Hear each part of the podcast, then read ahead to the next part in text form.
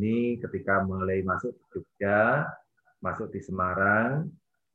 Dan tentu kami sangat senang bahwa para frater Yesuit itu mempunyai tekad untuk sungguh-sungguh mengenal keuskupan di mana kita sedang berada.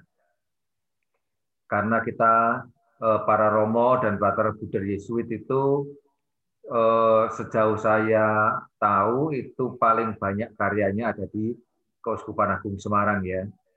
Mulai dari karya pendidikan, karya parokial, kemudian kategorial termasuk apa eh, untuk eh, para pengungsi meskipun tidak ada pengungsinya di Semarang kan.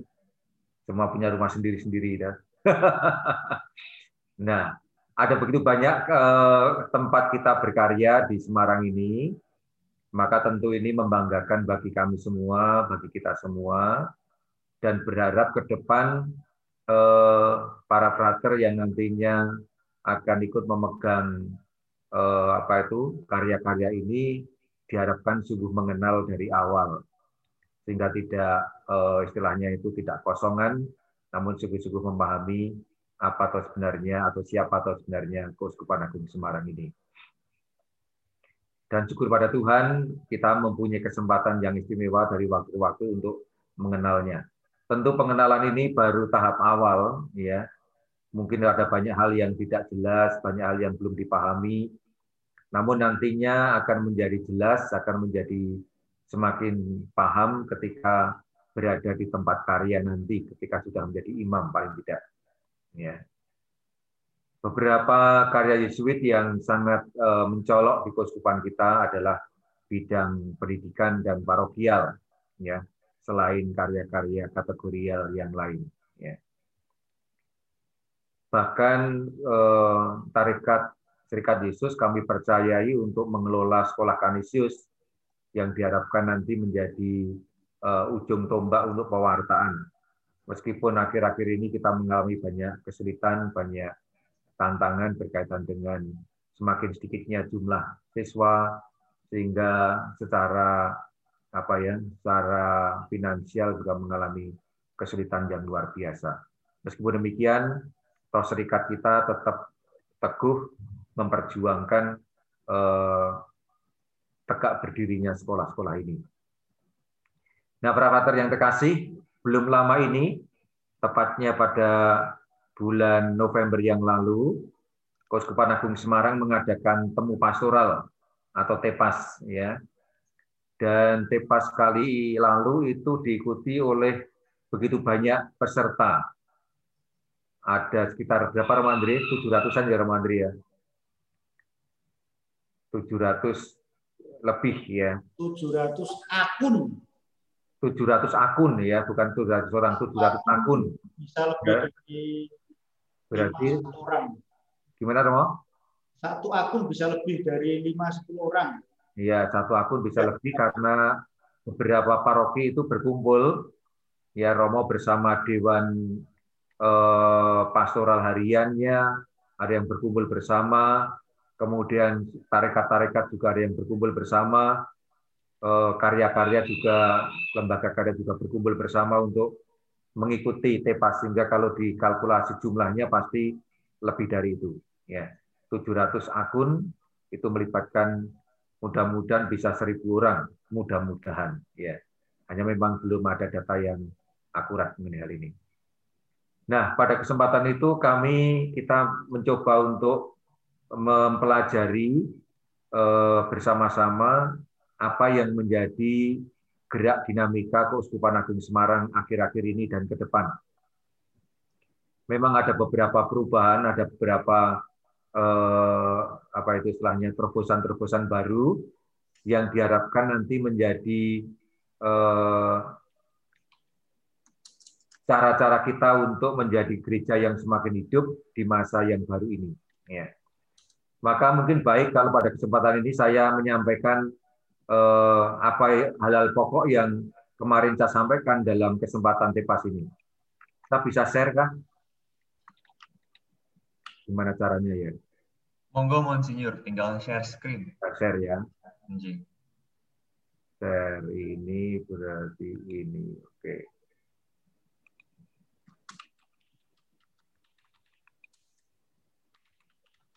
Kelihatan kah?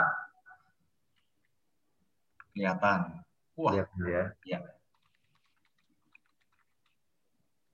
Oke. Okay. Mas Romo. Pas. Jelas ya, pas. Jelas ya. Iya. Sekedar informasi mengenai tepasnya sendiri, kemarin tepasnya seperti ini. Kalau nanti kalau para frater ditanya seperti apa, itu langsung tahu. Ya. Kelihatan? jelas. Jelas ya. Ya. Jadi dilaksanakan secara virtual dalam dua level waktu itu. Yang pertama itu pagi sampai siang itu dilakukan eh, untuk seluruh keuskupan dari jam 9 sampai jam 12 untuk memberikan kerangka dasar mengenai reksa pastoral KAS. Dan sore itu memberikan panduan untuk membangun pemahaman bersama tentang implementasi ARDAS atau Arah Dasar Keuskupan Agung Semarang dalam rangka mempersiapkan penyusunan program pelayanan komisi-komisi di tingkat kepikepan dan tim-tim di paroki. Namun selain itu masih ada yang di tingkat di tingkat apa ini? Di tingkat kepikepan. Ya. Di tingkat kepikepan. Harapannya apa yang dibicarakan di tingkat keuskupan bersama-sama itu kemudian ditindaklanjuti di tingkat kepikepan. Dan kemarin siang saya mendapatkan laporan dalam rapat Dewan Keuskupan bahwa para fikep di lima kepikepan yang ada di Keuskupan Agung Semarang semua sudah menindaklanjutinya dengan sangat bagus sekali. Ya. Bahkan ada satu kepikepan kedu yang mencoba menyiasatinya jauh sebelum tepas diadakan sudah mulai dulu. Istilahnya itu uh, curi start. Dan cara saya itu sesuatu yang sangat bagus. Ya.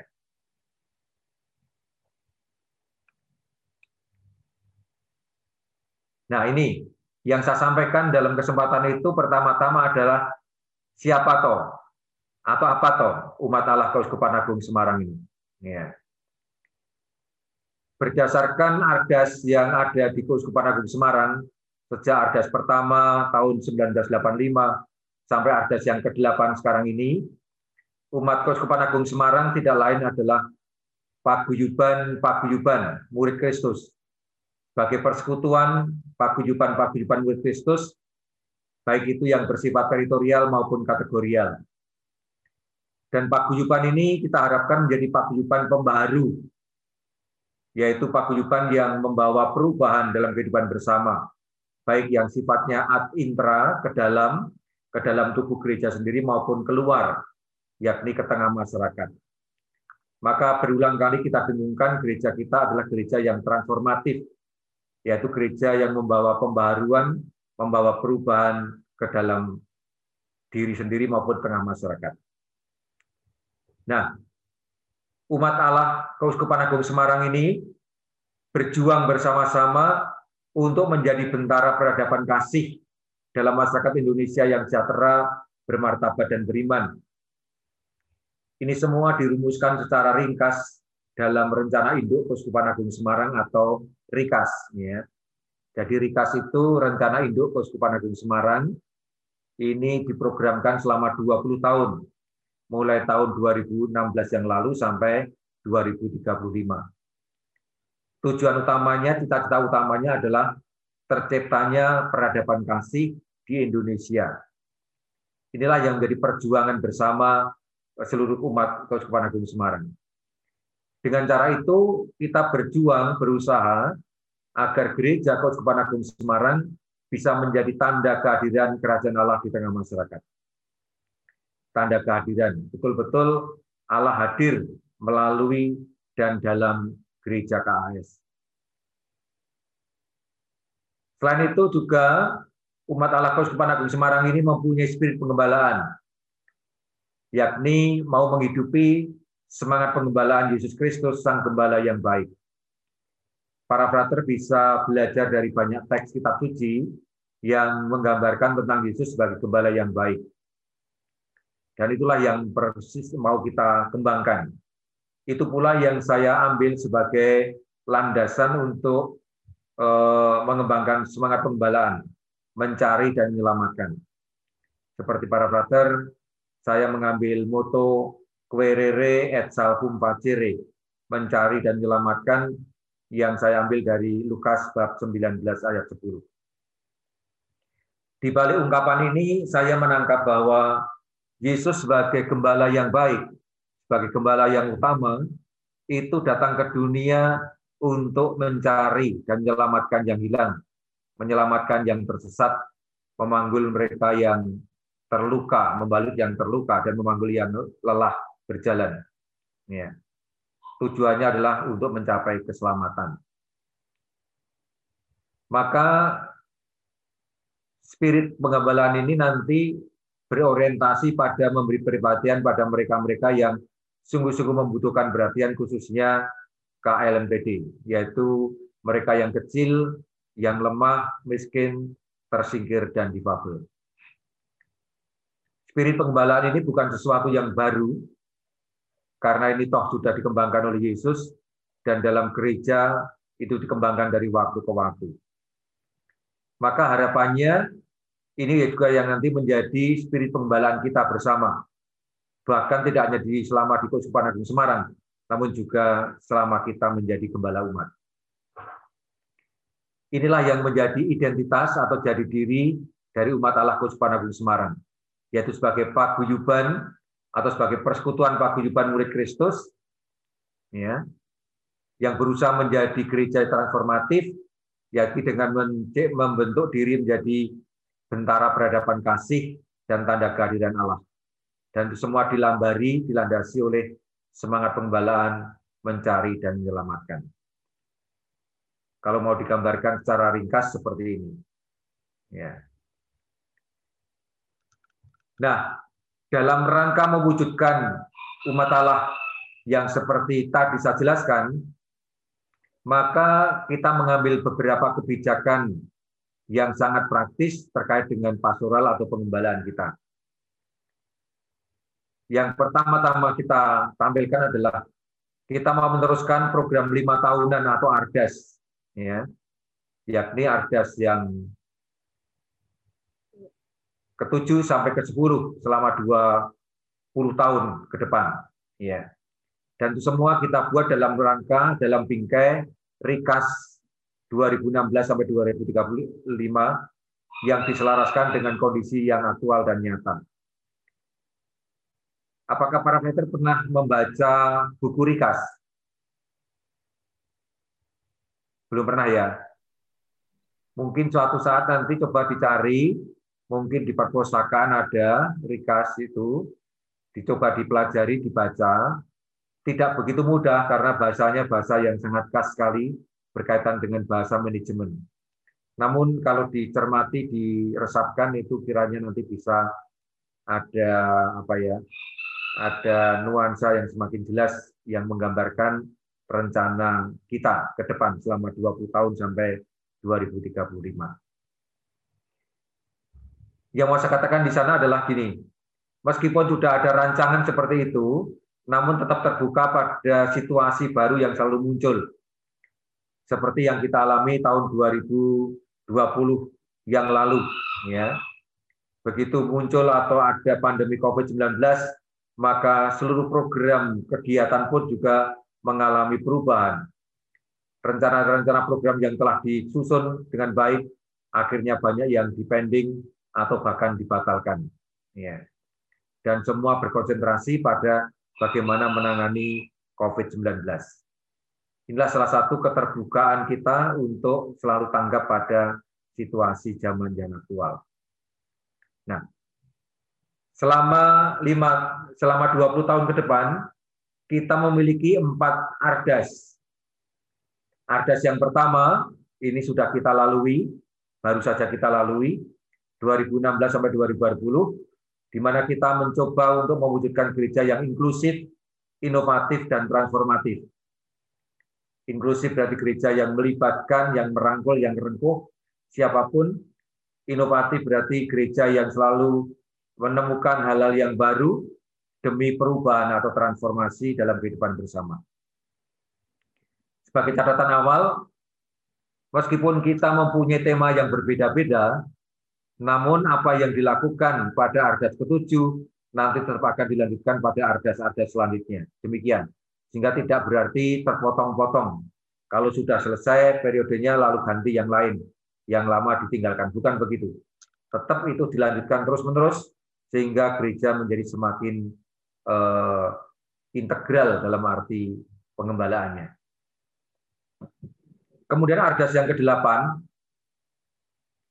itu yang sekarang kita jalani Ardas 2021 sampai 2025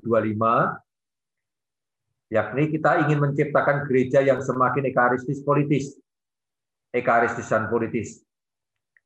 Dan itu kita poles menjadi tema yang lebih sederhana lagi yaitu menjadi berakar dalam Kristus dan berbuah. Berakar dalam Kristus dan berbuah yang diambil dari Injil Yohanes bab 15. Ya. Nanti para brother bisa mencari ya teks itu. Ya. Ini yang sekarang menjadi konsentrasi kita. Selama lima tahun berjalan ini, kita ingin semakin menautkan diri pada Yesus Kristus yang menjadi pokok anggur kita dan kita sebagai carang-carangnya ingin menyatukan diri padanya sehingga menghasilkan buah yang berkelimpahan. Tema ini kita angkat justru karena kita ingin menanggapi situasi zaman yang sedang terjadi, khususnya dengan adanya pandemi COVID-19 ini. Kita menyadari bahwa dalam pandemi ini ada masalah yang cukup serius berkaitan dengan soal keimanan, berkaitan dengan soal kerasulan. Banyak eh, kebiasaan yang baik selama ini sudah berjalan dalam gereja, sekarang ini bisa dibilang porak-poranda.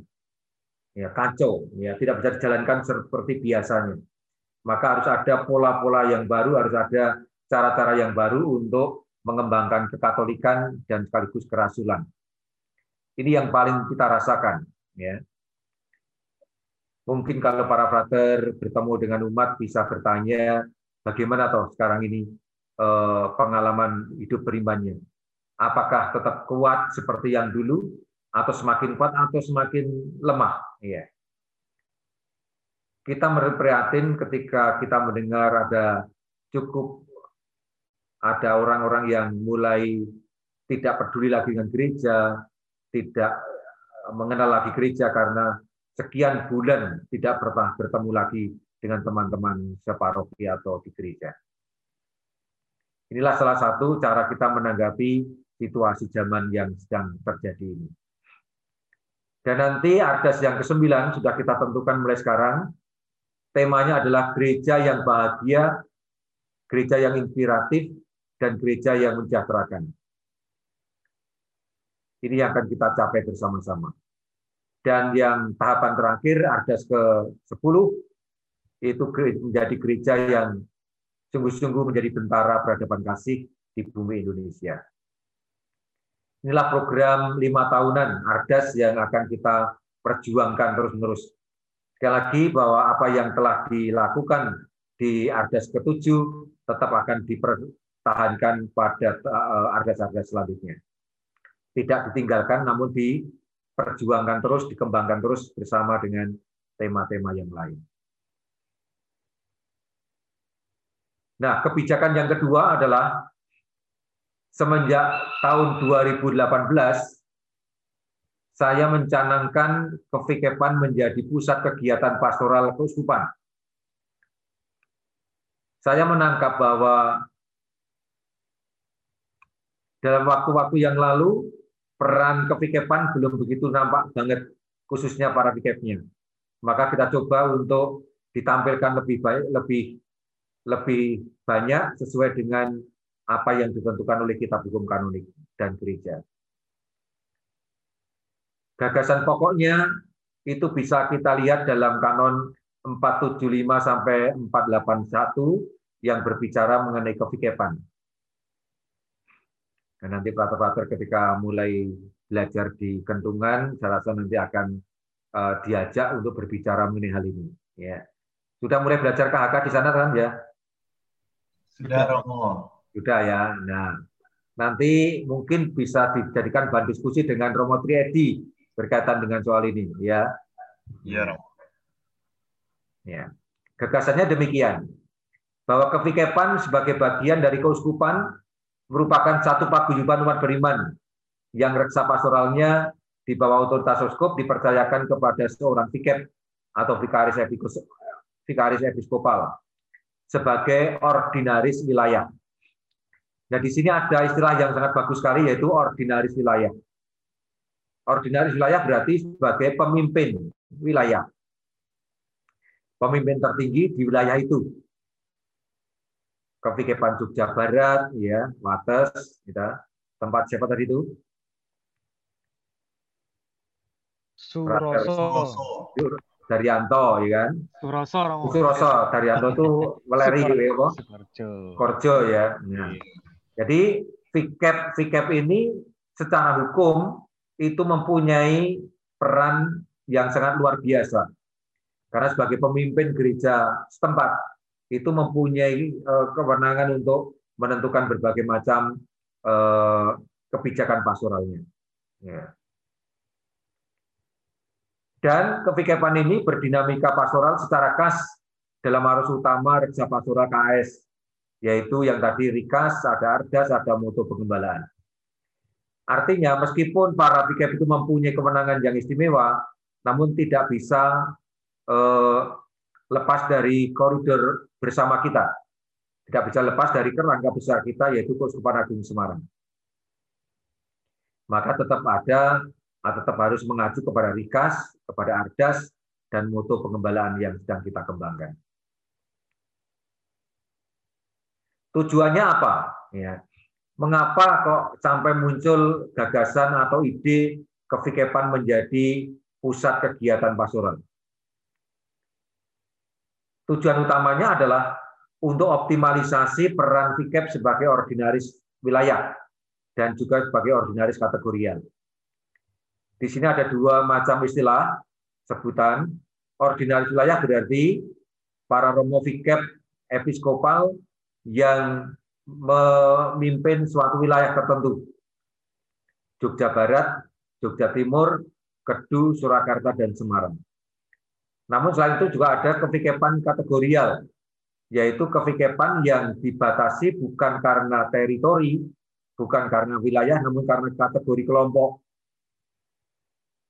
yang sekarang itu dipercayakan kepada Romo Santo yang merangkap sebagai pastor paroki di Kemetiran. Nah, para vikep ini berdasarkan jabatannya memiliki kuasa eksekutif atau pemerintahan atau potestas gubernasi, ya, kuasa untuk memerintah untuk memimpin. Persisnya adalah menentukan kebijakan pastoral di kevikepan masing-masing baik merencanakan, melaksanakan, memonitor, dan mengevaluasi.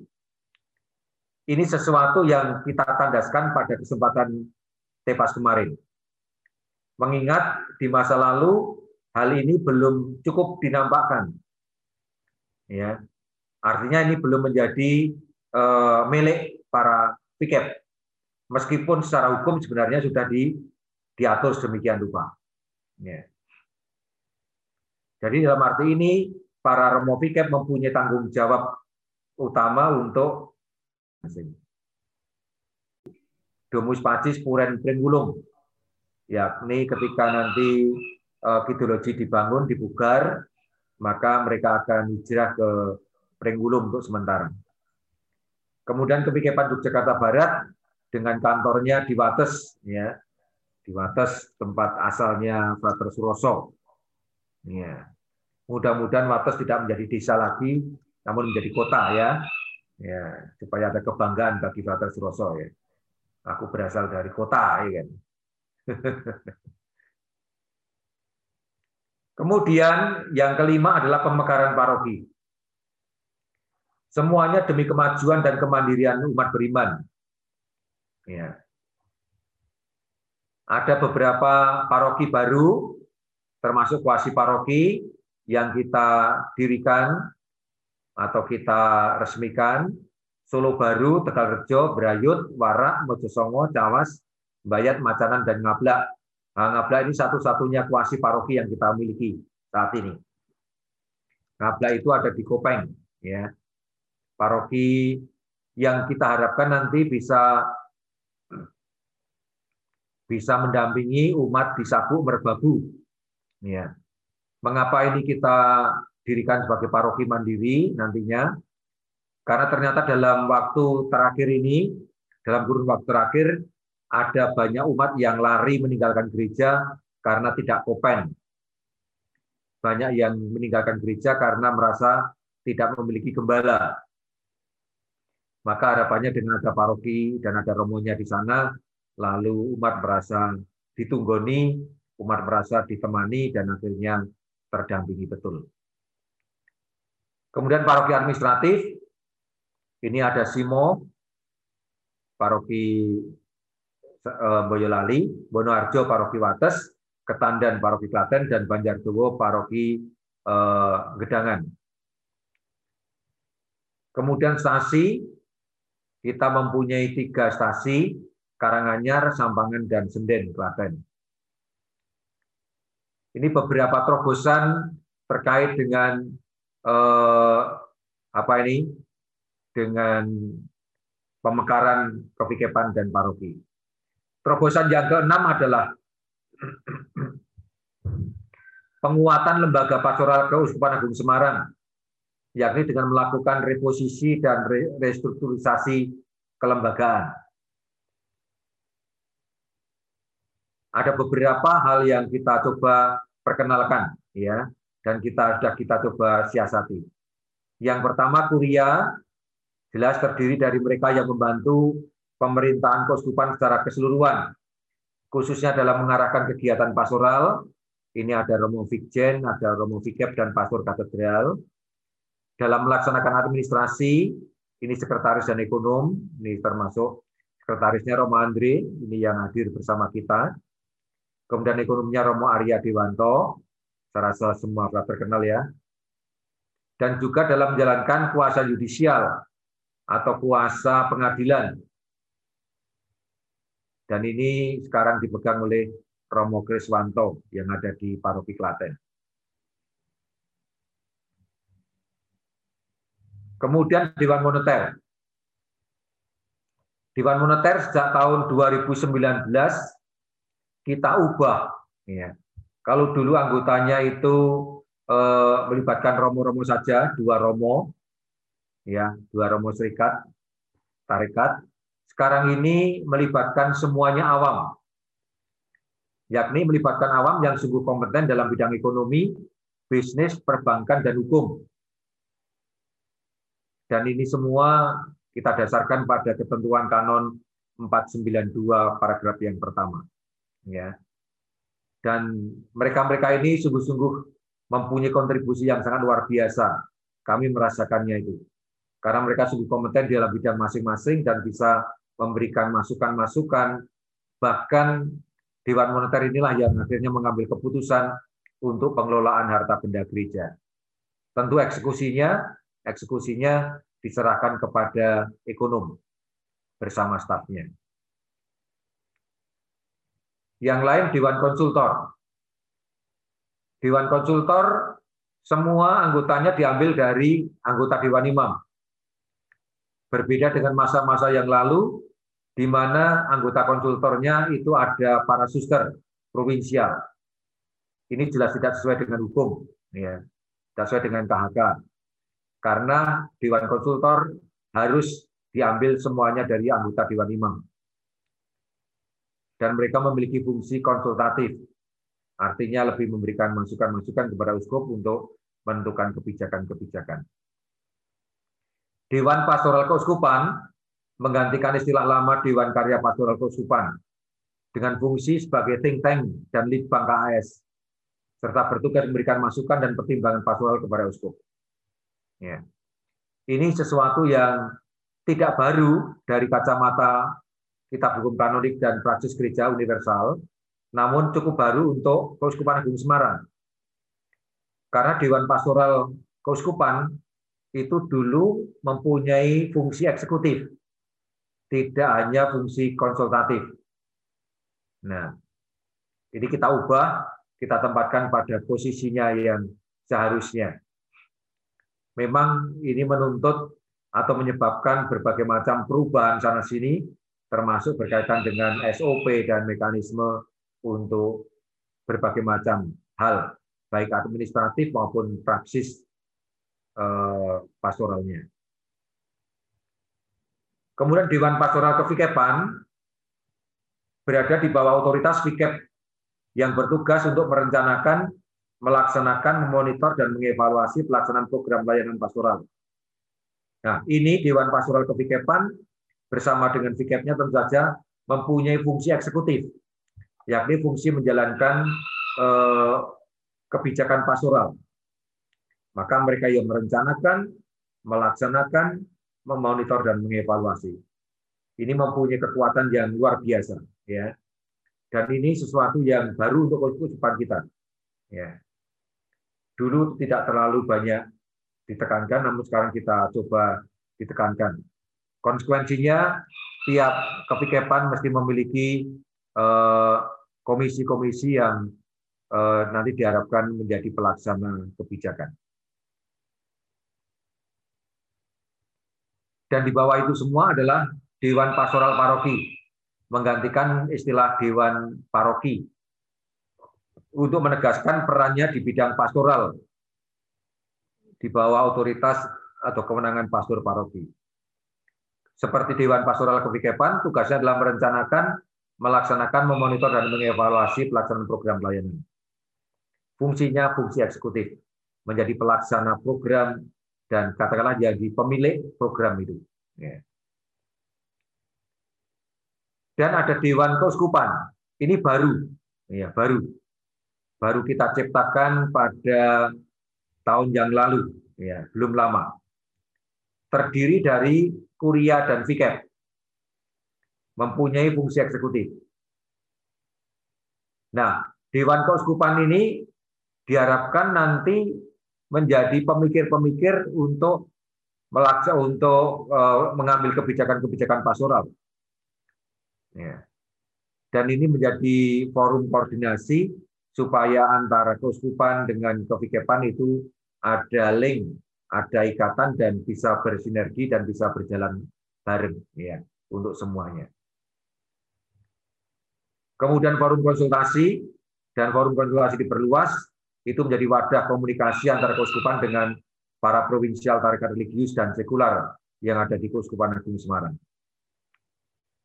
Yakni melibatkan para provinsial yang yang memiliki eh, apa?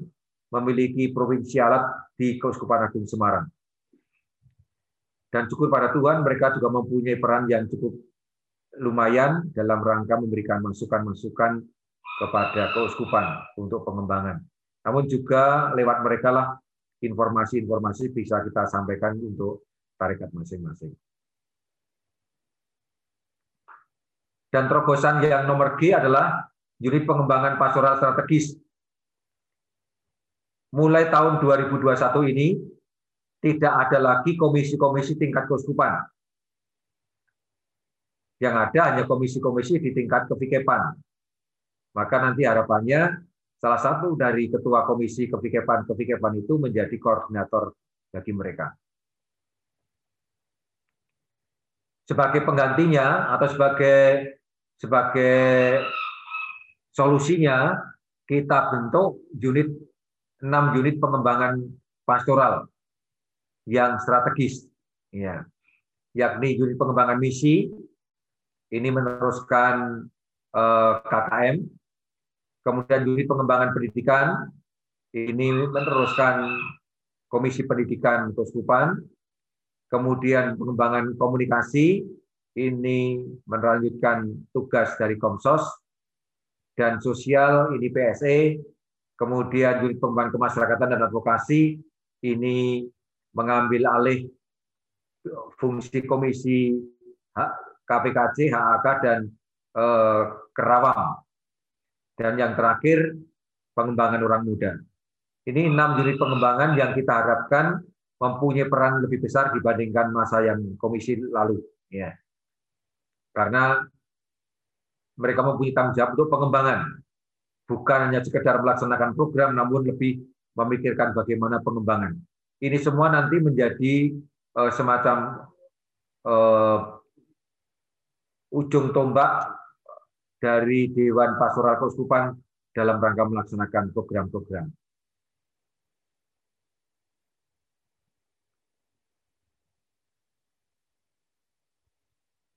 Oke. Kemudian yang nomor H adalah pembentukan tim data dan IT. Ini baru kita ciptakan secara khusus semenjak saya menjadi uskup di Semarang ini, yaitu 2017. Sebenarnya gagasan idenya sudah cukup lama kita munculkan, namun baru kita tindak lanjuti secara konkret itu pada 2017. Nah, tim data dan IT inilah yang kita harapkan nanti eh, mengembangkan pendataan di Keuskupan Agung Semarang dan segala macam mekanismenya. Tim IT ini dan data ini ada di bawah tanggung jawab Sekretaris Keuskupan. Tugasnya menyediakan data umat di tingkat lingkungan, paroki, kevikepan, keuskupan, bahkan gereja universal mengolah data untuk dapat dimanfaatkan sebagai landasan pengambilan kebijakan pastoral baik bagi paroki, kepikepan, keuskupan, dan unit pengembangan serta komisi kepikepan. Semangatnya adalah sebagai pendukung ya supporting system bagi gubernasi seluruh keuskupan. Dan cukup pada Tuhan di bawah eh, Komando Romodoni Widiarso ini berjalan dengan baik Bahkan hari-hari ini mereka sedang bekerja bersama, ngedur ya di suatu tempat untuk mengerjakan program-programnya. Mereka sangat semangat sekali dan sekarang paroki-paroki sudah mulai menginput data-datanya, terutama data apa ini data umat beriman dan sekaligus eh, harta benda atau keuangan dan mulai dipakai dimanfaatkan eh, sebagai apa tuh pengambil atau sebagai landasan untuk mengambil kebijakan-kebijakan. Ini beberapa terobosan, ya, beberapa terobosan. Nah, kalau mau digambarkan seperti ini ringkasnya, ya, ringkasnya. Dari apa yang saya terangkan dari tadi sampai sekarang ini ringkasnya seperti ini.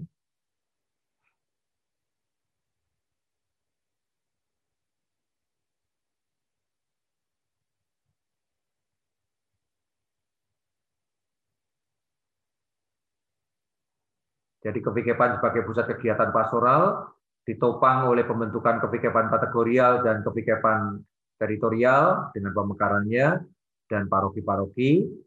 Lalu ada penguatan lembaga-lembaga pastoral. Tadi ada sekian banyak eh, lembaga baru dan lama. Dan ada pembentukan tim data dan IT.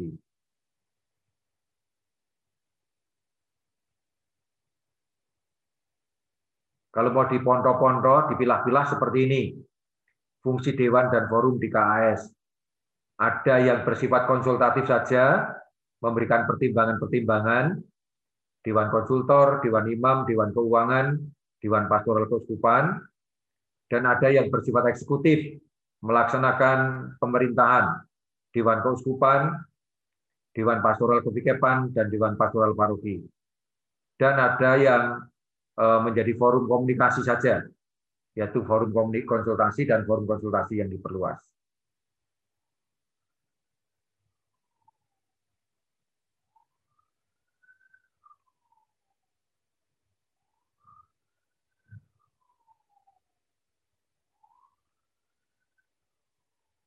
Ini gambaran organigramnya. Sederhana, ya kan?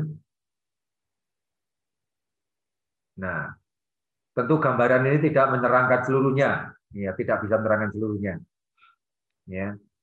Ini jalurnya koordinatif, jalur direktif, poskop dan Vikjen jadi satu kesatuan, eh, kemudian dibantu Dewan Keuskupan, Vikaris Episkopal, Paroki, ya. dan di kanan kiri juga ada tribunal dan sekretaris dan ekonom. Lalu ada yang ini yang sifatnya konsultatif. Dewan Moneter, Dewan Konsultor, Dewan Imam, dan Dewan Pastoral. Lalu di kanan kiri ada sportingnya, ya. Ini tim data, sorry, dan tim pengembangan dan unit pengembangan. Semua menyupport untuk terlaksananya pastoral di keuskupan kita.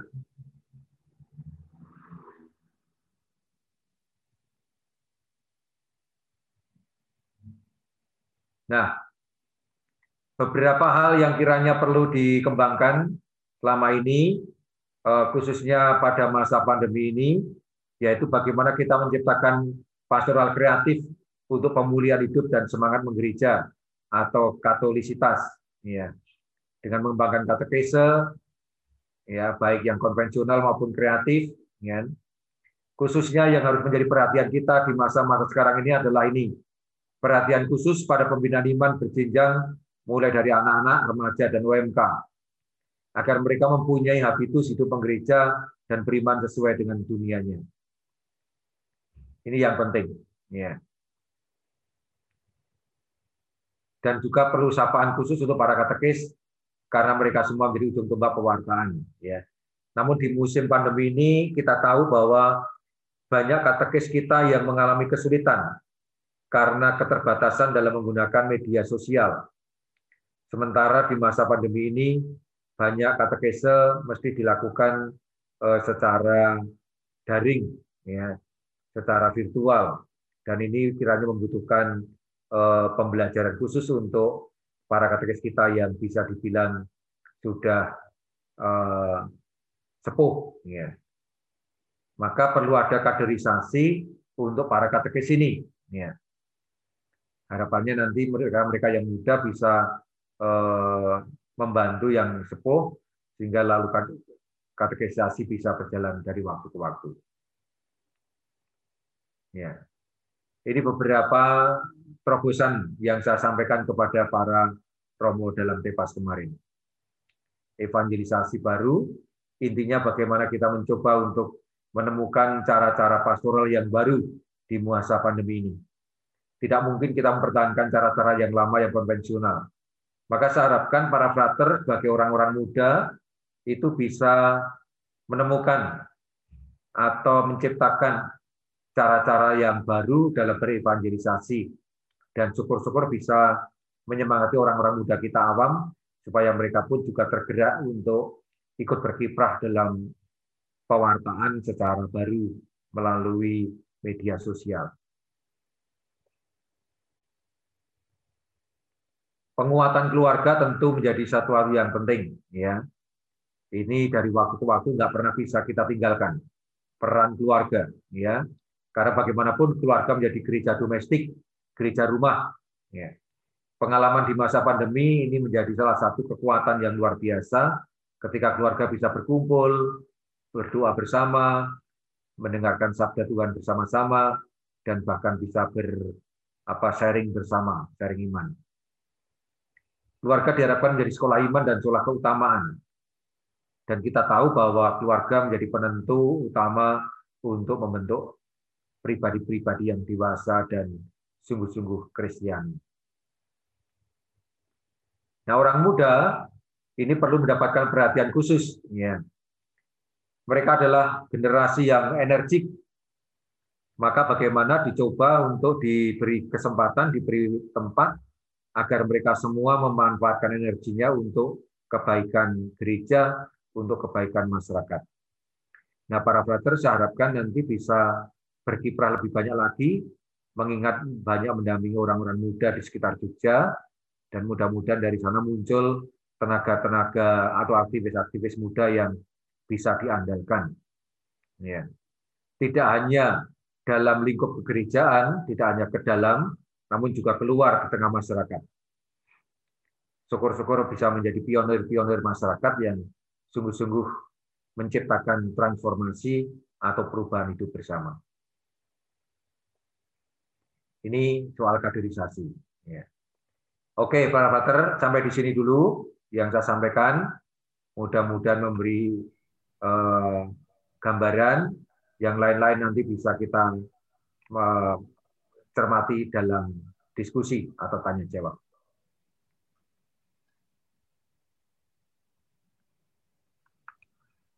Baik, terima kasih Monsinyur. Monggo silakan kalau akan ada yang menanggapi atau bertanya, kami persilakan.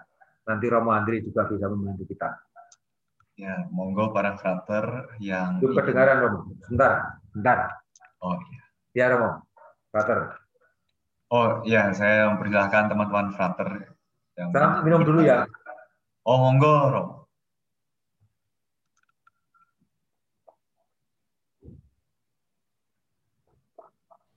Ya, monggo. Mungkin pertanyaan teknis dulu Romo ke Ya. Romo Sekretaris kalau bisa jawab. Kalau data umat di KS ini ada berapa ya Romo totalnya?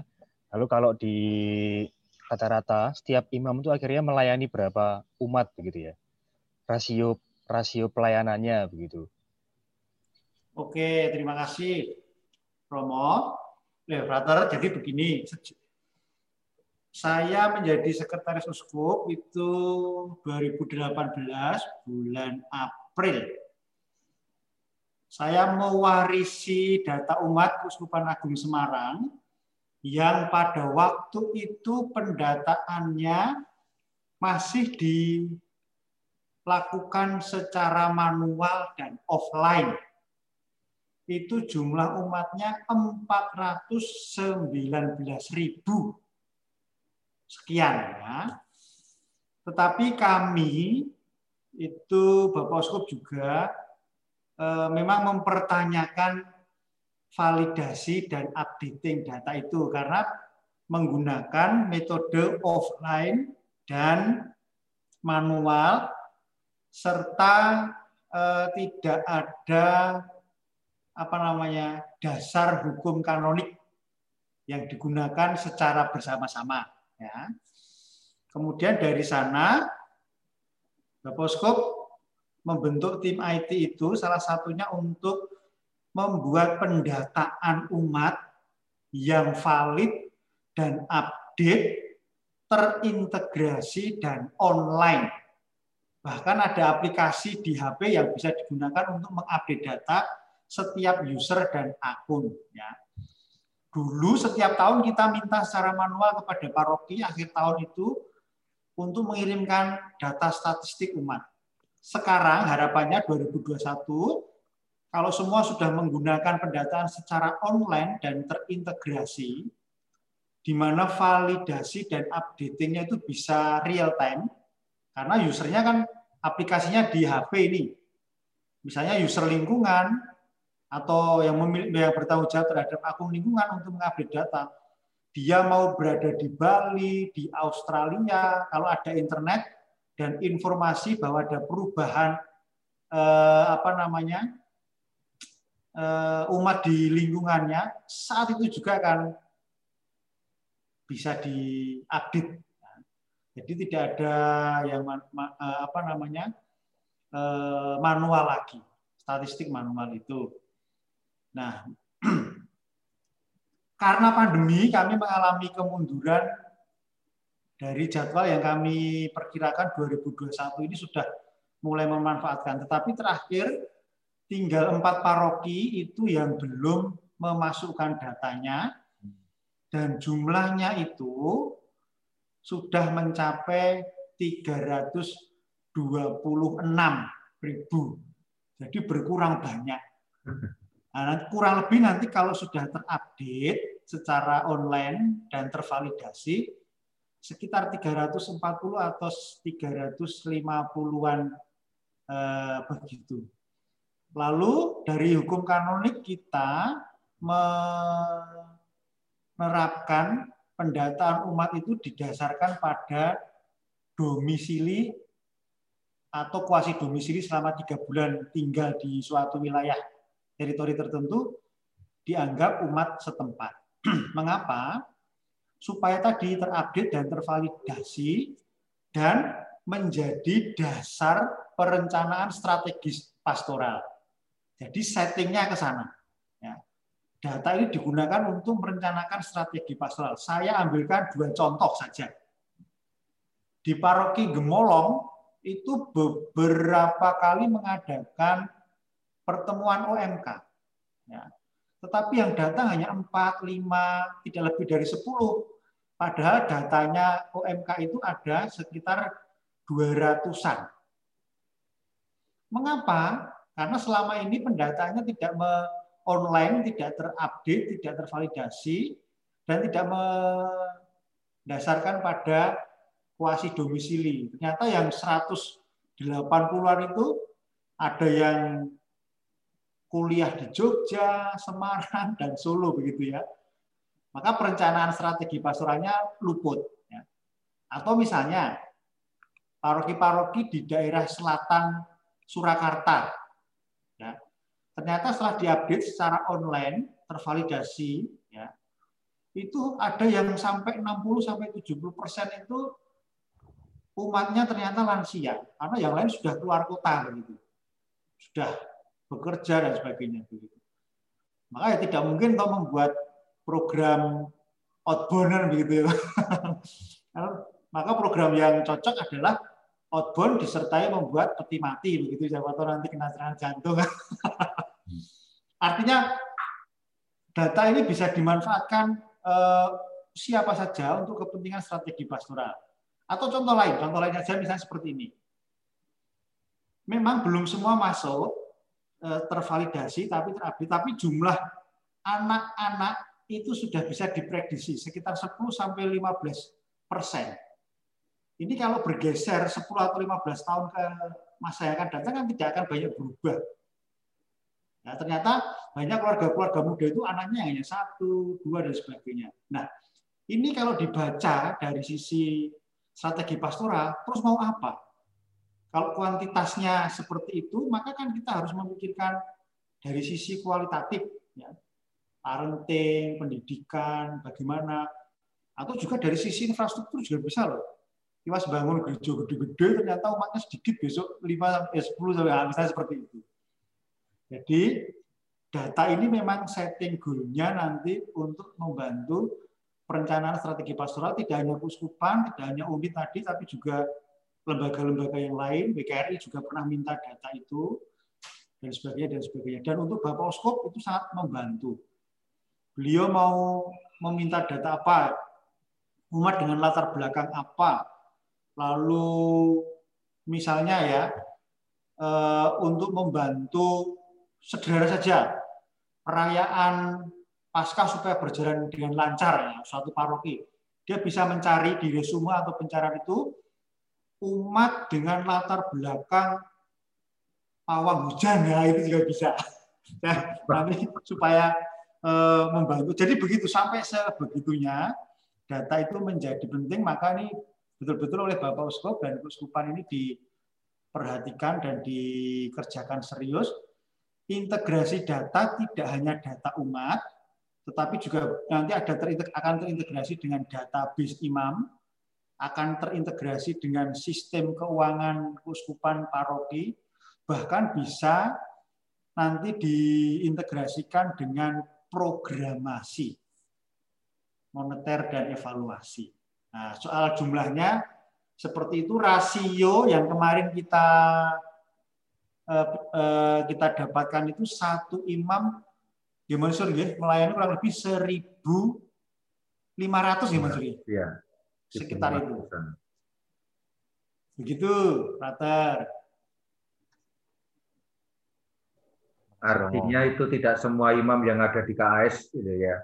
Artinya imam-imam yang bekerja di paroki misalnya semua baik yang di diocesan maupun yang tarekat kumpulkan disatukan kemudian dibagi rata untuk semua umat itu kurang lebih satu setengah 1.500 jiwa per Ya.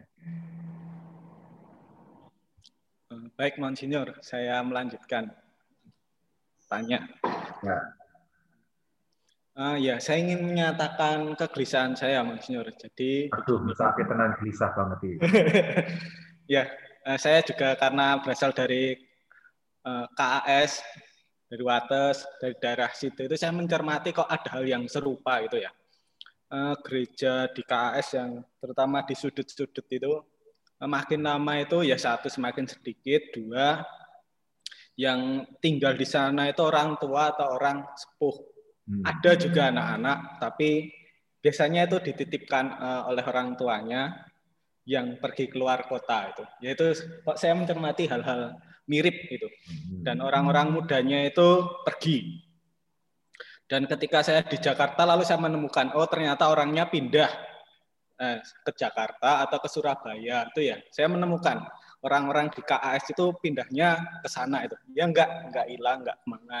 Tapi pindah efek dari uh, urbanisasi atau ya mungkin karena pendidikannya bagus orang Katolik itu jadi sadar kalau cari pekerjaan ya ke kota itu. Jadi uh, otomatis ya. Pindah. Ini mau mengatakan Wates itu desa ya. ya, makanya sudah pindah.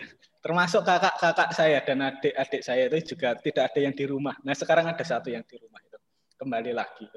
Ya ini saya uh, merasakan uh, segala program tadi itu bagus. Ya saya merasa itu semakin menyentuh umat itu, semakin konkret, semakin menyentuh umat, semakin berjumpa. Tetapi di sisi lain dengan melihat ya saya uh, apa ya melihat masa depan gereja KAS yang gereja saya saya juga dulu sampai sekarang itu kok bagaimana itu ya? Menghadapi hal semacam ini ya? Ketika kok ya di gereja itu ya gereja yang desa-desa itu saya merasa ya semakin sepuh itu semakin sepuh yang orang mudanya nggak ada ada sebagian anak-anak yaitu nanti juga akan pergi juga itu pada akhirnya itu dan tidak ada yang di situ lagi ya ya mungkin saya salah tapi kok e, kalau tidak diantisipasi kok masa depan gereja KAS itu akan seperti itu gitu ya mungkin saya salah tapi sejenak saya mengamati kok ya nyatanya itu seperti itu Monsignor. Ya saya nggak tahu bagaimana. Mungkin ya Monsignor bisa menjawab uh, kegelisahan saya ini. Mau seperti apa nanti? Mungkin saya juga nanti akan di KAS juga pada akhirnya mungkin kalau tidak ke tempat lain. Ya iyalah ya. ya begitu Monsignor. Mungkin ya. Ya ini salah saya. satu gejala kemasyarakatan yang umum terjadi di mana-mana, Pak ya. Jadi eh, ada dua wilayah yang saya amati akan lama-kelamaan menjadi wilayah tua, yakni daerah-daerah pinggiran, dalam arti daerah-daerah pedesaan, karena anak-anak mudanya akan pergi hijrah ke kota mencari makan, dan yang lain adalah daerah-daerah kota-kota, perkotaan. Perkotaan-perkotaan rata-rata juga akan menjadi daerah tua, gereja tua. Sementara yang akan muncul gereja-gereja muda adalah daerah-daerah pinggiran. Ya, karena ada perluasan kota, orang akan mencari tempat tinggal makin keluar, makin keluar, makin keluar. Dan lama-lama ini nantinya juga akan menempati daerah-daerah yang tadinya ramai kemudian menjadi tua akan tempati lagi. Kira-kira akan seperti itu mobilisasinya.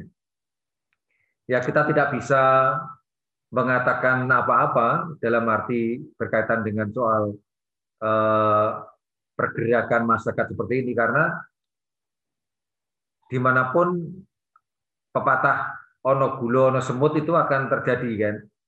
Di mana ada gula selalu akan ada semut. Di mana ada uang situ akan orang berkerumun ya. Artinya orang-orang orang-orang muda yang potensial yang aktif bekerja pasti akan mencari tempat pekerjaan yang memungkinkan untuk memenuhi kebutuhannya. Maka yang sekarang menjadi tantangan kita adalah justru bagaimana memberikan atau membuat pastoral-pastoral terobosan yang menyapa kaum kasepuan ini. Ini yang penting ya. Jangan sampai mereka-mereka yang sudah ditinggalkan anak-anaknya ini tidak mendapatkan sapaan gereja. Justru sekarang yang menjadi tantangan kita adalah bagaimana menyapa mereka. Apalagi di musim pandemi seperti ini, ketika usia senja sudah menjemput dan mereka tidak bisa mengikuti perayaan secara offline karena usia atau tidak bisa mengikuti secara virtual, karena keterbatasan macam-macam. Nah, di situlah kita mempunyai tantangan yang luar biasa untuk menyapa mereka, mendampingi mereka supaya mereka terkuat. Pengalaman di Sabu Merbabu yang tadi saya katakan ngabla, ya kan? Banyak yang meninggalkan gereja karena tidak ada sapaan, bahkan termasuk anak-anak. Mau menikah, nggak tahu bagaimana caranya, ya sudah nikah aja di KUA misalnya, jadi Islam. Bukan karena kesalahan mereka, ya. Nah ini salah satu tantangan yang ke depan. Selain yang di daerah-daerah pedesaan, namun juga yang perkotaan yang lama kelamaan menjadi kota tua, ya kan? Coba kita lihat kota baru.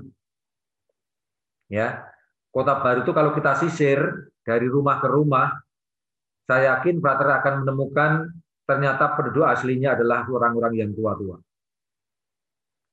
Yang muda-muda sudah pada pergi, entah pergi punya rumah di pinggiran-pinggiran yang lebih longgar, ya kan? atau ke kota lain. Ya, ini salah satu bukti. Banyak orang muda karena mereka datang kos dan kontrak, ya kan? bukan penduduk aslinya. Ini salah satu eh, tantangan yang real. Ideologi sama saja, ya. Jadi paroki-paroki dalam kota itu cenderung akan menjadi paroki tua. Dan itulah yang menjadi tantangan kita untuk ke depan ini bagaimana menciptakan terobosan pastoral yang semakin nyata untuk mereka. Begitu Frater Suroso dan teman-teman Frater yang lain. Tidak ada siasat lain kecuali bagaimana kita mencoba untuk menangkap peluang pewartaan dan kerasulan. Untuk nahan mereka jangan pergi dari desa itu juga sangat sulit kan. Memangnya kita akan ngeragati UDP ya. Nah, itu pertanyaan mereka. Yeah. Oke. Okay. Monggo.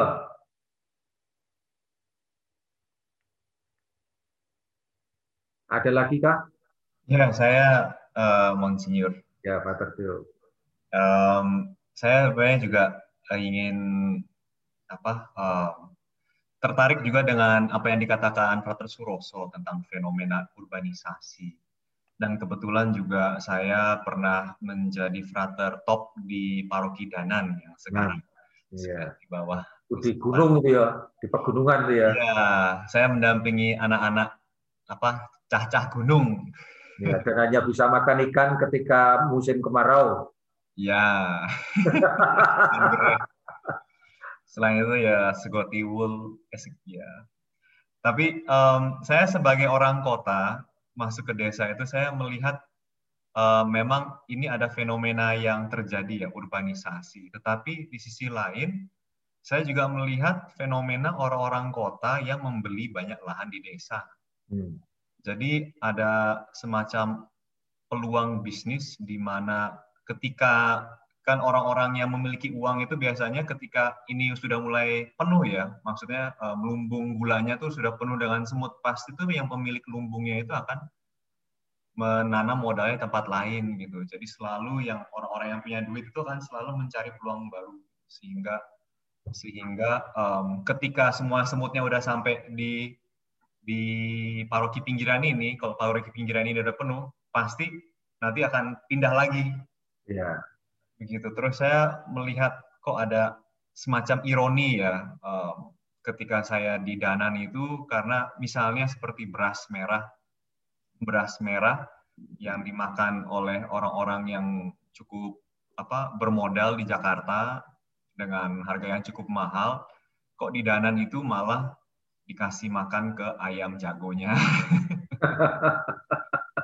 Seperti katul, um, pokoknya barang-barang yang dibilang organik, makanan-makanan kesehatan itu um, malah malah tidak memiliki harga di desa, sedangkan di kota itu ya kita membelinya dengan harga yang tinggi dan yang kenyang itu adalah orang-orang perantara. Nah terus saya terpikir um, apakah mungkin gereja itu bisa, maksudnya um, sebagai gembala ya, kami sebagai gembala itu, apakah kami itu selalu mengikuti arah domba, misalnya, oh ya ini sekarang kan trennya urbanisasi, pasti uh, domba-domba itu akan pergi ke lumbung gula lah, semut-semut itu akan ke situ gitu, dan kita yang menunggu mereka di lumbung-lumbung gulanya itu, atau kita menciptakan lumbung-lumbung gula yang baru gitu, maksudnya bukan sebagai pemilik bisnis tetapi sebagai katalisator begitu ya Romo. Hmm. Um, jadi um, menjemput bola karena saya melihat kok kalau misalnya arah pastoralnya itu untuk mempersiapkan orang-orang muda berpindah kok malah mem, dalam tanda kutip membunuh gereja lokal. ya. ya. Begitu. Um, terus juga dari aspek pendidikan kan juga sangat sulit ya. Um, ya dengan SD Kanisius, um, di Danan itu saya melihat puing-puing SD Kanisius itu yang dulunya ada 12, sekarang tinggal satu itu pun juga setengah mati. apa satu angkatan saya pernah mengajar sebentar di sana itu kelas 6 itu hanya ada tujuh murid, tujuh siswa siswi gitu. Um, maksudnya kan kita memiliki aset ini, tetapi kita um, di sisi lain uh, domba-domba kita ya kita biarkan saja pergi gitu. Ya memang kita nggak bisa menuntut mereka untuk uh, tinggal. Tetapi saya sebenarnya sih terinspirasi juga dengan motonya Monsinyur mencari dan menyelamatkan. Karena saya melihat bagaimana itu di fenomena desa, banyak orang-orang yang dianggap gagal ke kota itu mereka akhirnya kembali ke desa, cuman karena um, malu atau bagaimana tuh mereka jadi tidak ke ke gereja gitu. Menjadi orang-orang yang tersingkir. Jadi memang saya cukup terinspirasi itu untuk mencari uh, orang-orang mana sih gitu. Ternyata memang um, di paroki Danan itu ada banyak orang Katolik tetapi mereka tidak ke gereja. Um, salah satu faktor yang besar itu faktor sosial ya. Yeah. malu atau entah punya pengalaman yang gak enak atau bagaimana begitu. Um, ya begitu sih Monsinyur saya saya dan saya selain itu saya juga melihat bahwa um, sayang gitu kalau misalnya kita tidak menyiapkan kader-kader orang-orang di desa itu untuk terlibat dalam uh, masyarakat setempat karena um, banyak dengan banyak hilangnya lahan uh, tempat-tempat ini itu dibeli dan bisa menjadi tempat untuk kaum radikal hidup. Ya. Jadi memang ada apa maksudnya ya di satu sisi kan memang kita bagaimana kita menjaga kehidupan gereja, tetapi di sisi lain kan apa yang terjadi luar gereja kan pasti akan berdampak pada kehidupan yang ada di dalam gereja itu sendiri gitu dan um, bagaimana tanggapannya KAS ya uh, dengan fenomena ini gitu. Um, kalau misalnya kita nggak punya domba ya program kita kan siapa yang ikut juga nanti yang ada lebih banyak pengurusnya dibanding yang ikut. Begitu ya Mas Ya. Ini salah satu tantangan yang real ya Pak ya. Ada problem edukasi yang saya rasa penting sekali. Ya, bagaimana kita mengedukasi masyarakat kita, orang-orang muda kita supaya tidak pergi meninggalkan wilayah daerahnya, supaya bisa mengembangkan ya. Belajar pandai harus mestinya akan kembali ke daerah untuk mengembangkan daerah ya. Ya itu yang harus diedukasikan supaya mereka sungguh-sungguh mempunyai kepedulian untuk daerahnya. Ini yang pertama. Yang kedua adalah edukasi mengenai bagaimana keluarga-keluarga untuk mempertahankan lahannya. Di banyak tempat itu sekarang menjadi tempat rayahan. Contoh yang paling konkret itu daerah Kulon Progo Kulon Progo begitu ada informasi mengenai eh, apa itu? Aeroport eh, aeroport apa? Lapangan udara ya. Lapangan udara. Siapa yang paling pertama mendapatkan informasi? Ya mereka-mereka yang punya modal mereka-mereka yang punya duit. Dan mereka pula yang kemudian membeli banyak tanah ya. Beli di mana-mana dengan harga yang murah ya dan setelah itu nanti akan mereka kuasai. Namun sekarang ini banyak tanah yang mereka beli tidak dimanfaatkan dengan baik dalam arti dikelola untuk kepentingan masyarakat. Sekedar dimiliki, jadikan tanah mangkrak, katakan melihat. Dan itu pun sudah nanti mendatangkan duit. Dan nanti akhirnya masyarakat sekitar itu akan tergeser, tergusur. Karena tergiur oleh uang, akhirnya dijual, dijual, jual, habis mereka akan akhirnya memiliki tanah atau pekarangan yang sempit di daerah sangat jauh. Ini yang terjadi. Nah, mungkin baik kalau kita memang harus mengupayakan edukasi seperti itu, terutama di daerah-daerah daerah-daerah pariwisata dan perindustrian, ya, yang sekarang banyak diincar di Semarang ini, Kulon Progo jelas, Wonosari jelas, daerah-daerah pantai, ya, itu semua diincar oleh investor. Bahkan sampai-sampai kita itu eh, mencoba untuk demi masyarakat Griga yang dulu di bawah dampingan Romo Mangun, kita beli tanah, ya, supaya tetap bisa melindungi kepentingan masyarakat, supaya tidak diberi investor dan akhirnya ada sumber air yang bisa dimanfaatkan oleh masyarakat. Sampai seperti itu. Namun kan kita tidak bisa melakukannya semuanya karena terlalu banyak, ya. Maka edukasi kepada masyarakat untuk tidak menjual itu penting dan yang kedua eh, mengedukasi orang muda supaya bertahan di wilayahnya dan menjadi kreatif menciptakan lapangan kerja di wilayahnya itu sesuatu yang masih dibuat. Meskipun itu tidak akan mudah, karena rata-rata orang muda kita itu kan pengennya itu ya keluar kota, ke kota lain, keluar daerah, mendapatkan pekerjaan yang mapan, tidak usah susah-susah, namun dapat gaji yang rutin. Ya, syukur-syukur bisa menjadi pegawai negeri di kota. Ya. Itu kan sesuatu yang mereka harapkan orang muda ini. Ya. Maka ini menjadi tantangan kita. Ya. Beberapa paroki yang berada di bawah eh, pengembalaan Romo-Romo Yesuit termasuk salah satunya. Ya. Daerah Sukorejo. Kan? Sukorejo itu dalam waktu singkat pasti akan banyak diserbu. Dan sekarang sudah mulai banyak diserbu oleh investor. Ya. Daerah Batu Retno itu pasti. Wonosari itu juga Semuanya yang daerah-daerah wisata, daerah-daerah strategis untuk industri itu akan disasar oleh mereka. Ini tantangan yang real. Ya. Maka edukasi itu penting. Edukasi untuk orang muda dan edukasi untuk masyarakat untuk mempertahankan wilayah mereka. Kalau enggak, semua akan dikuasai oleh investor-investor asing dalam arti dari luar daerah yang pengen mendapatkan keuntungan sebesar mungkin. Karena yang namanya tanah dibeli, dibiarkan lima tahun, 10 tahun sudah akan berlipat-lipat anunya harga jualnya tanpa dikerjakan apa pun. Ya.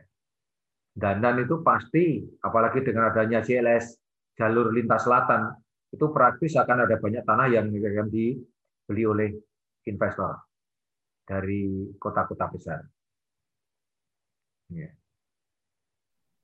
Ya, yang menarik saya tambahkan sedikit Monsinyur. Uh, ketika saya di Danan itu saya bertemu dengan saya entah bagaimana bisa bertemu dengan seorang penjaga gudang. Dia itu orang India Katolik, tetapi dia bekerja sebagai pengimportir uh, bahan-bahan mentah. Oh. Jadi jadi itu cuma gudang, tetapi uh, produk kopra dan kunyit yang dikeringkan di Danan itu tuh sudah sampai ke Pakistan, sudah sampai ke Malaysia gitu. Sedangkan ini apa ya kan ironis ya. Um, sedangkan umatnya ya masih apa ya harus berjuang untuk hidup. Dan juga yang kedua itu saya apa terpikir kalau misalnya memang investor ini akan datang, bagaimana mengundang investor-investor Katolik yang harapannya itu menjadi sekutu sekutunya gereja sehingga setidaknya itu orang-orangnya kita gitulah ya harapannya sih bukannya orang-orangnya kita yang jadi penindas sendiri.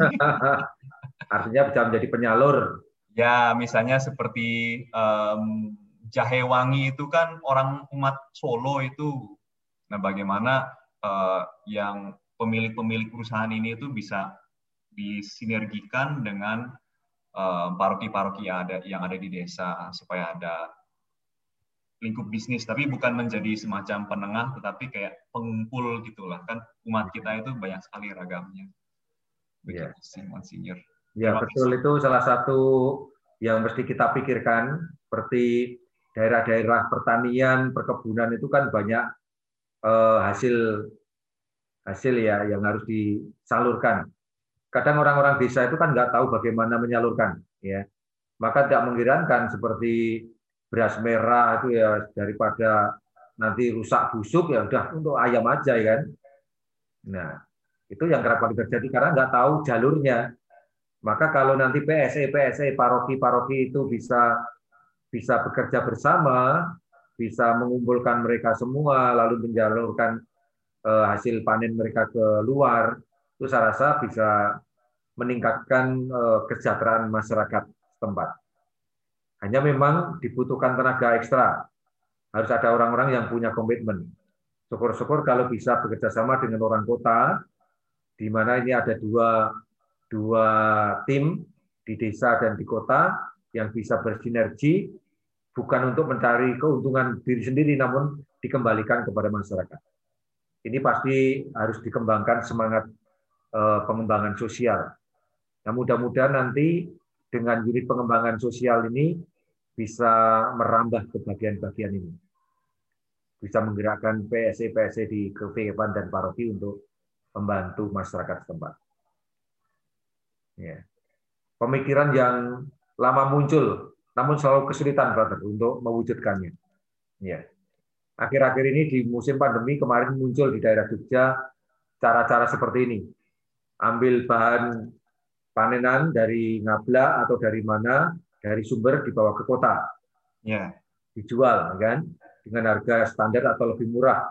Hasilnya dikembalikan kepada petani. Salah satu kemungkinan model seperti ini. Ya. Iya. Ya tanpa tanpa jasa tengkulak. Gitu. ya betul. Karena itu memotong mata rantai tengkulak-tengkulak ya kan, dan itu bisa menghasilkan banyak.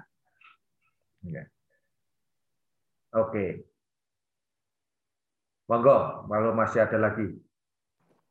Ada lagi, Monsinyur. Ya. Uh, Pak Siwi. Pak Tersiwi. Ya. Uh, untuk dapat memberikan pelayanan yang baik bagi umat di Keuskupan Agung Semarang, tentu kita juga membutuhkan sumber daya manusia dalam hal ini pelayan ya, pelayan yang baik, yakni para imam yang bekerja di Keuskupan Agung Semarang. Selama hidup lebih dari 15 tahun di Keuskupan ini sejak saya lahir sampai sekarang, uh, saya melihat perkembangan yang sungguh pesat dibandingkan dengan uh, keuskupan-keuskupan lain ya. Bahwa Keuskupan Agung Semarang sekarang ini sudah mulai dapat Eh, menangani segala sesuatu secara mandiri, jumlah imam diosesan semakin meningkat, calon-calonnya pun selalu ada. Kalau dulu saya pernah top di seminari Mertoyudan itu selalu banyak yang tertarik untuk mengabdi keuskupan menjadi seorang calon imam diosesan dan itu suatu hal yang membanggakan buat saya pribadi bahwa semakin hari keuskupan ini semakin mampu mandiri itu hal yang positif, saya tangkap positif. Lalu uh, mengingat sekarang ini tantangan gereja itu semakin kompleks ya.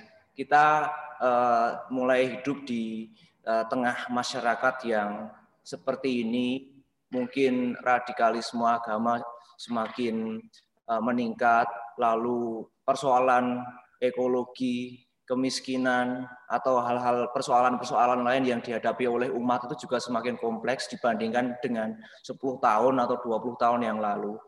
Nah, maka memang menurut saya eh, visi eklesiologis keuskupan itu harus mulai berubah sedikit ya. Jadi memang tidak eh, bisa kita nyaman di dalam suatu persekutuan gereja yang internal sibuk di dalamnya, tetapi juga harus mulai bergerak keluar untuk menanggapi tantangan-tantangan zaman.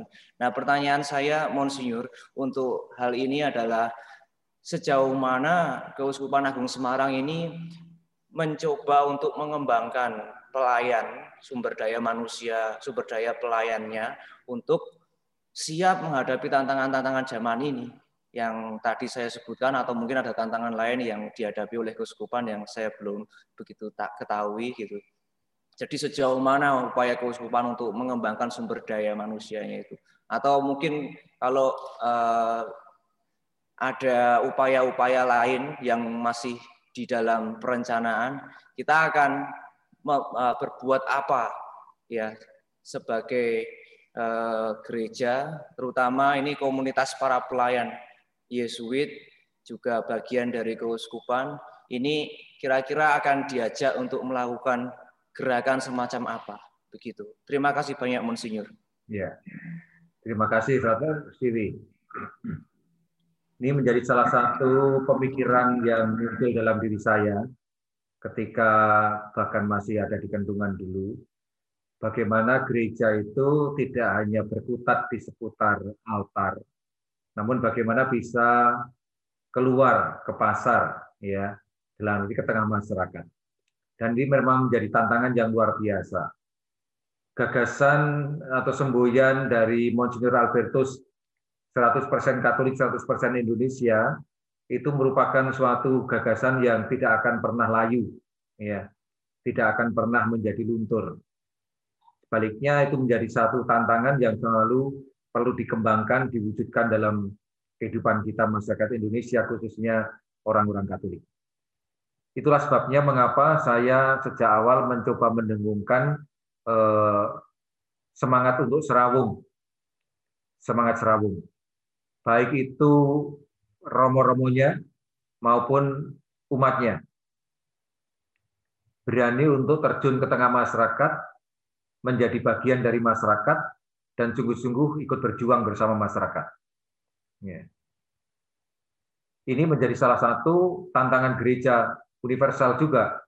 Karena tidak mungkin gereja itu menjadi ghetto, menjadi kelompok tersembunyi, menjadi kelompok yang tertutup harus sungguh-sungguh terbuka bagi orang lain, terbuka bagi masyarakat. Ya. Maka gerakan ini menjadi gerakan yang menurut imat saya selalu harus didengungkan, serawung. Ya. Jangan sampai gereja menjadi kelompok eksklusif. Kecenderungan ini selalu akan ada, ya, Brother ya. Entah dalam diri kelompok-kelompok kategorial, ya, entah dalam diri umat masing-masing. Ya, kalau dengan bertemu dengan teman sendiri teman Katolik itu rasanya tentrem ayem kan namun begitu keluar tidak mempunyai daya apa pun kan nah ini salah satu pengalaman yang konkret maka bagaimana membantu umat kita supaya sungguh-sungguh mempunyai tekad untuk ambyur di tengah masyarakat menjadi bagian masyarakat dan sungguh-sungguh berkiprah dengan masyarakat karena itu berulang kali kita hembuskan supaya Eh, setiap kali ada acara-acara penting kemasyarakatan orang Katolik ikut. Bahkan termasuk kerja bakti ikut, ya kan?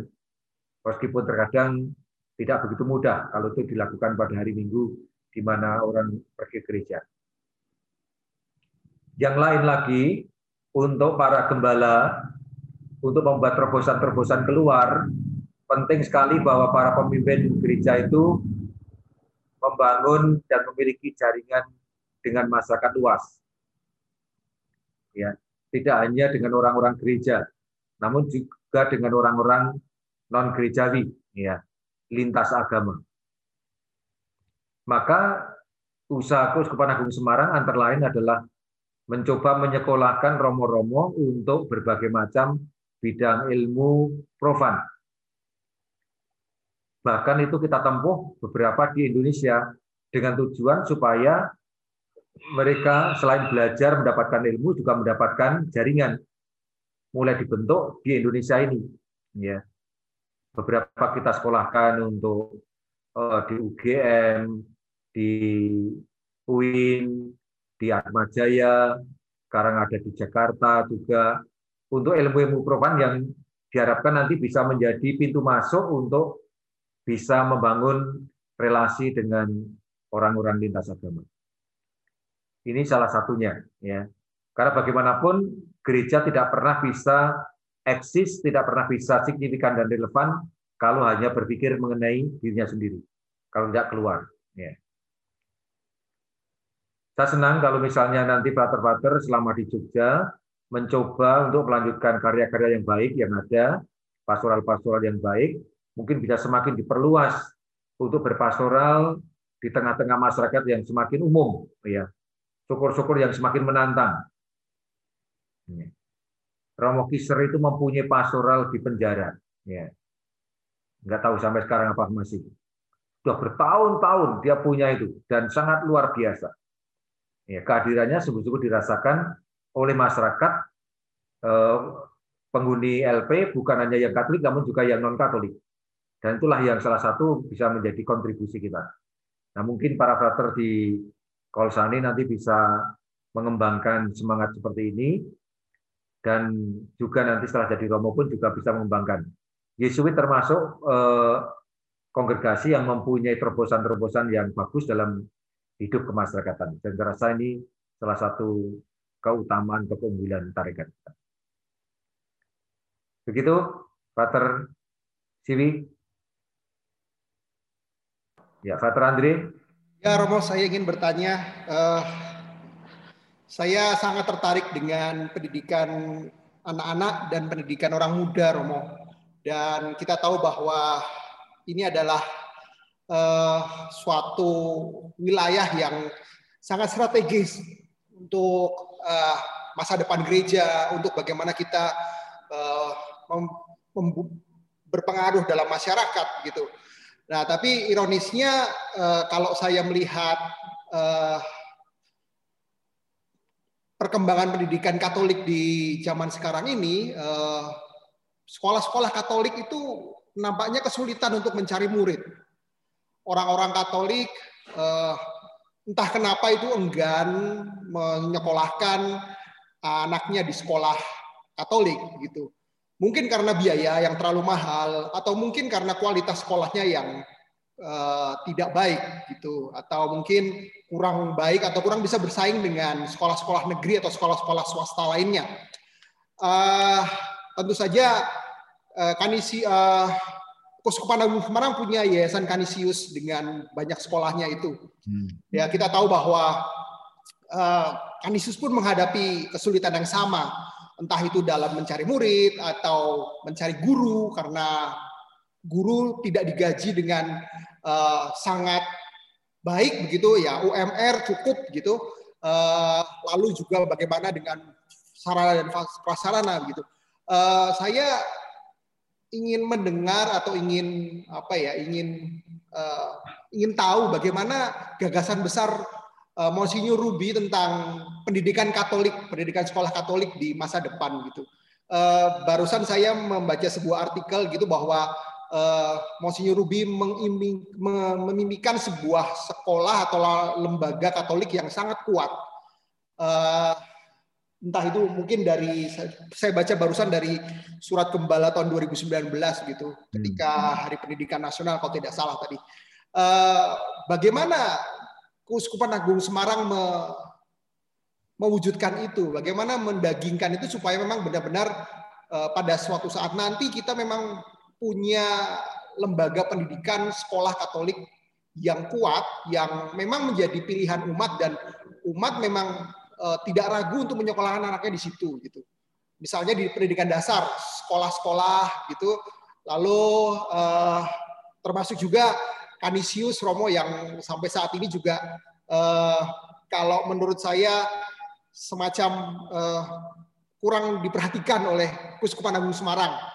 Uh, bagaimana uh, para Yesuit yang berkarya di sana bergulat sedemikian rupa sehingga tetap uh, mengupayakan agar Kanisius itu jalan. Bagaimana ke depannya termasuk juga dengan Yayasan Kanisius yang yang dimiliki oleh Kuspadangu Semarang tapi juga tetap mempunyai pergulatan situ entah dari keuangan atau dari uh, bagaimana promosinya gitu.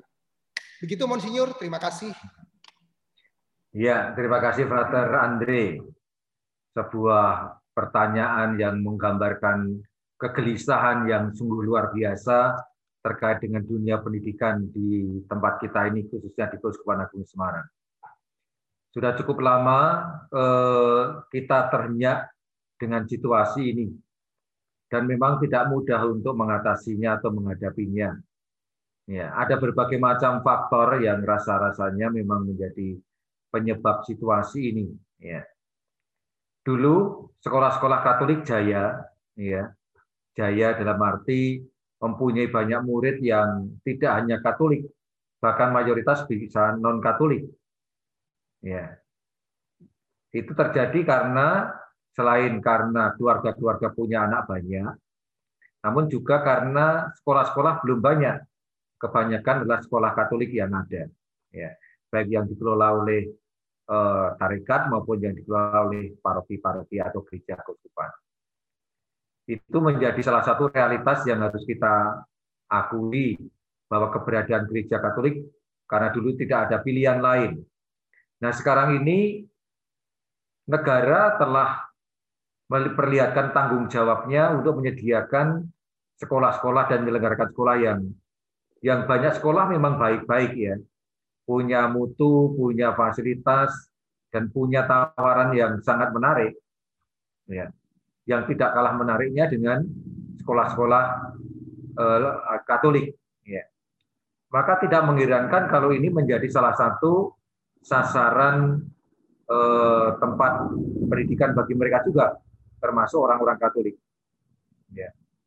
Apalagi masih ada embel-embel eh, sekolahnya mutu, biayanya tidak lebih banyak daripada yang lain. Nah, itu pasti akan memberi daya tarik ya, tersendiri.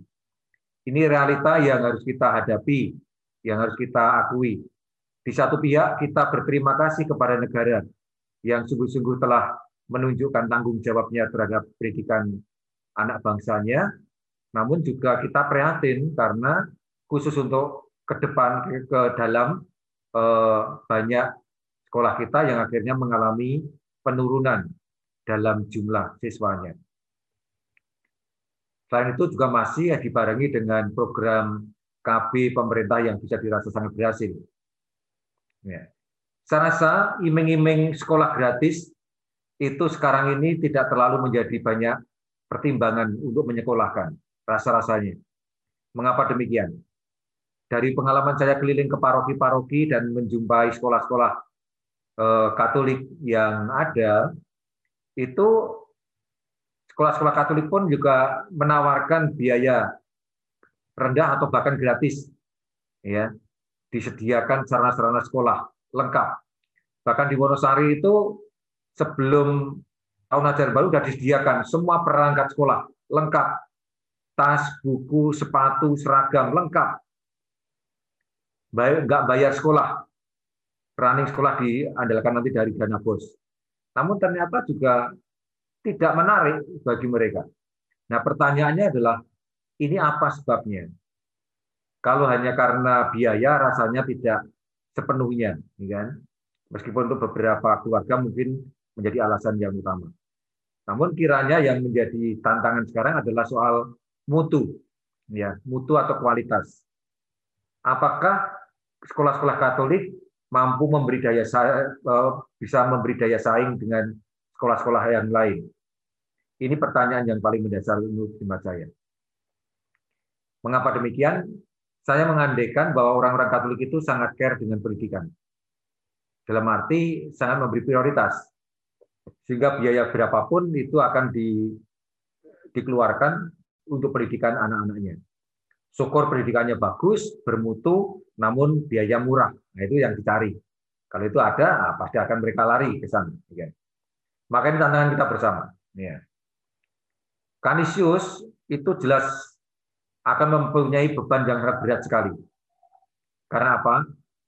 Karena kalau itu dilihat sebagai gerbong ya, gerbongnya itu sudah terlanjur gede. Gerbongnya terlalu gede kan? Ya ada sekian banyak gerbong dan harus ditarik semuanya. Sementara yang ada di dalamnya itu sedikit.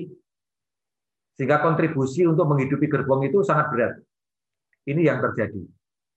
Untuk melepaskan gerbong satu dua tiga itu tidak mudah atau bahkan tidak mungkin. Karena itu menyangkut soal eh, kehidupan manusia kehidupan keluarganya. Ya. Ini ya yang yang akhirnya menjadi berat. Ya. Dan saya sendiri juga tidak tahu bagaimana harus mengatasinya. Namun yang yang penting kita mencoba untuk memikirkannya dan menindaklanjuti sedikit demi sedikit. Ya termasuk yang kita buat eh, adalah mencoba membantu sekolah-sekolah yang sudah ditutup ditinggalkan Kanisius untuk yang mau bertahan kita coba dipelihara diopeni dengan apa ya dengan sekuat tenaga dengan melibatkan banyak umat. Memang kita bisa menuntut umat untuk menyekolahkan sekolah Katolik, namun satu tantangan kita harus ada kata sembodo. Sembodo tahu ya, sembodo ya. Dalam arti kalau kita menuntut, meminta harus menyediakan paling tidak dari sisi eh, kualifikasi mutu. Ini yang saya rasa menjadi tantangan yang tidak mudah. Ya. Karena apa? Karena untuk meningkatkan mutu butuh biaya yang banyak dan itulah yang akhirnya memberatkan kita. Ya. Jadi muter terus akhirnya. Dan akhirnya menjadi titik orientasinya, titik persoalannya adalah diri ini. Soal finansial. Ya, terlalu berat. Ya. Ini para brother. Saya juga berulang kali berpikir mengenai hal ini, namun juga tidak sampai pada solusi yang yang tepat, yang baik. Nah, mudah-mudahan seperti Romo Pak Andri yang mempunyai uh, minat di bidang pendidikan bisa menyampaikan gagasan-gagasannya ke kita-kita, ke yayasan supaya nanti menjadi apa ya masukan-masukan yang yang bisa ditindaklanjuti begitu. Pak Andri? Ya baik, terima kasih Romo. Uh, ya memang benar kalau uh, kalau menurut saya sendiri uh, Yayasan Kanisius itu terlalu terlalu besar Romo, terlalu banyak sekolahnya sehingga uh, saya pernah mendengar dari Romo Istanto itu bahwa ada suatu sekolah di daerah pelosok itu yang muridnya hanya tidak sampai 10 dan tidak jauh dari situ juga ada sekolah lagi yang apa uh, juga mengalami problem yang sama, muridnya tidak banyak juga. Maka salah satu yang uh, dilakukan adalah waktu itu uh, menggabungkan sekolah-sekolah itu sehingga menjadi lebih uh, apa ya lebih ramping begitu organisasinya. Di samping juga saya setuju dengan Monsinyur yang mengatakan bahwa uh, finansial itu sangat-sangat berperan untuk uh, meningkatkan mutu ya. Nggak ada uang, nggak ada nggak ada ini, nggak ada nggak ada kualitas gitu. Ya memang itu dalam termasuk juga bagaimana guru-guru ya, guru-guru sebagai manusia jelas saya lulus dari Sanata Dharma misalnya dengan IPK yang sangat cemerlang, saya bisa mengajar. Ya tentunya saya tidak ingin tidak ingin uh, bekerja di sekolah yang tidak bisa membayar saya dengan gaji yang uh, kecil.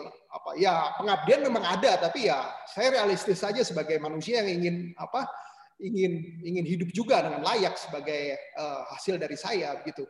Ya terima kasih Monsinyur, semoga nanti uh, ke depannya uh, kita bisa menemukan uh, cara yang bersama gimana supaya pendidikan Katolik itu tetap menjadi uh, apa ya menjadi salah satu yang cara kita untuk bisa uh, generasi muda ke depan ini bisa lebih baik lagi terutama yang Katolik atau syukur-syukur bisa yang uh, eh, non Katolik juga ikut merasakan bagaimana kita ini uh, tetap kompeten di bidang pendidikan tidak hanya sekedar di pastoral saja, tapi juga kita punya uh, concern di sana. Gitu, Monsinyur. Terima kasih banyak. Ya, terima kasih, Brother. Masih ada lagi kah? Dari saya, Monsinyur. Ya, Brother Bagas. Uh, saya mau bertanya secara praktis saja gitu. Uh, ya. Pertama saya mengapresiasi Monsinyur gitu karena Monsinyur melakukan perubahan yang cukup banyak di uh, di uh, keuskupan gitu, terutama dalam penyederhanaan karya unit-unit gitu. Uh, saya mau bertanya, Monsinyur, untuk ini, Monsinyur, uh, apa bedanya Dewan Karya Pastoral yang sekarang itu sudah digantikan menjadi Dewan Pastoral Keuskupan? Kenapa saya bertanya demikian? Karena ayah saya tuh termasuk dulu di Dewan Karya Pastoral tapi Keuskupan Agung Jakarta. Nah hmm. sekarang dengan pola Monsinyur yang uh, mengubah semua tatanan ini, saya ingin mengerti latar belakang. Tapi saya merasa ini baik dan dan uh, apakah di Dewan Karya Pastoral dulu itu atau di Dewan eh, Dewan Pastoral Kuskupan sekarang itu apakah awam juga berperan di situ gitu. Kalau di Jakarta ya seperti seperti sudah saya bilang bapak saya ada di sana gitu dan dan uh, juga menginisiasi banyak pemikiran-pemikiran supaya keuskupannya berkembang. Tapi saya juga mendukung karya Monsinyur ini terutama dengan pembangunan unit-unit eh, maksudnya restrukturisasi yang baru supaya uh, VCAP itu lebih punya punya berdaya pada umat sehingga langsung menyentuh ke akar rumput gitu. Nah, eh, saya ingin bertanya untuk latar belakang apa atau dasar pemikiran apa yang membuat Monsinyur pada akhirnya punya uh, arah ke untuk mengubah semuanya ini. Terima kasih, Monsinyur. Iya. Yang jelas keterlibatan awam itu selalu kita buat ya. Bahkan ke depan itu semakin hari semakin akan melibatkan awam-awam kita yang sungguh kompeten dalam bidang masing-masing seperti yang tadi saya sampaikan mengenai Dewan Moneter, bahkan awam semuanya yang terlibat. Ya. Selain karena itu tuntutan KHK, namun juga karena soal kompetensi, tanpa meninggalkan eh, campur tangan imam-imamnya. Ya. Demikian juga dalam Dewan Pastoral Keuskupan dan kevikepan itu awam-awam pun juga dilibatkan di sana. Bahkan ketika tidak ada eh, misalnya di komisi-komisi kevikepan tidak ada imamnya, itu bisa saja dipegang oleh awam yang sungguh-sungguh punya hati, punya minat dan punya kompetensi. Ya. Nah, mengapa kok saya mengubah dari Dewan Karya Pastoral menjadi Dewan Pastoral? Ini bukannya soal nama, namun sebenarnya soal esensi dan tugas. Kalau kita mengikuti arahan dalam atau ketentuan dalam kitab hukum kanonik, memang Dewan Pastoral itu mempunyai peran atau mempunyai suara konsultatif saja. Jadi menjadi memberikan pertimbangan, memberikan masukan-masukan kepada uskup untuk pengambilan kebijakan. Ya. Dulu ini tidak sepenuhnya dalam arti eh, Dewan Karya Pastoral itu mengerjakan seluruhnya yang merencanakan, mengerjakan, mengevaluasi, monitor. Dalam arti semuanya ditanggung jawab ini. Ya.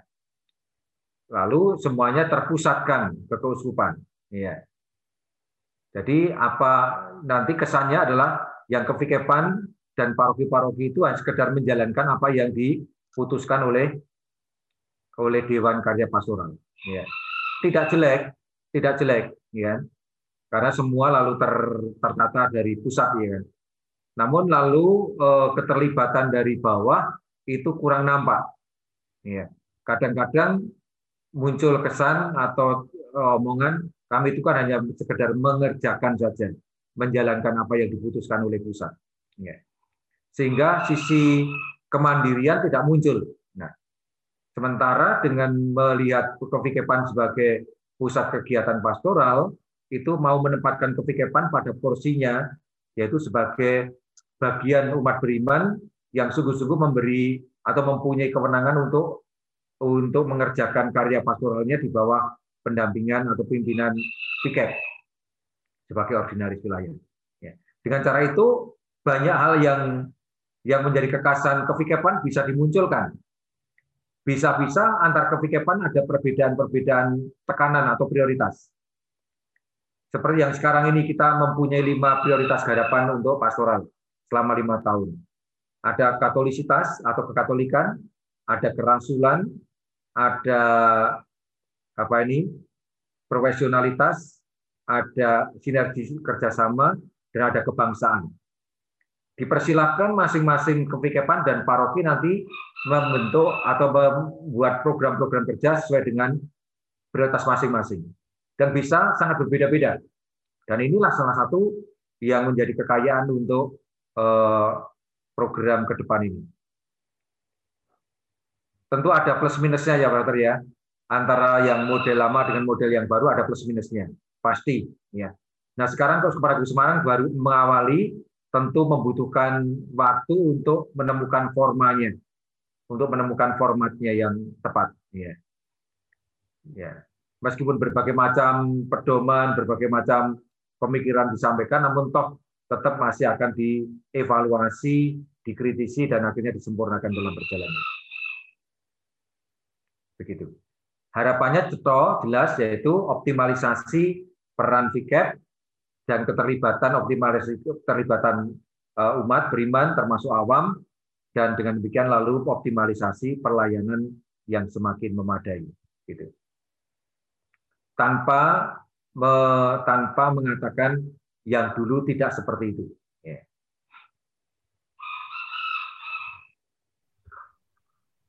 Begitu, Father Bagas. Terima kasih, Monsignor. Ya. Monggo kalau masih ada lagi. Monsinyur, saya tidak ingin bertanya, tetapi cuma memberikan pandangan dan banyak mengapresiasi apa yang tadi yeah. Monsinyur Rubi paparkan. Gitu.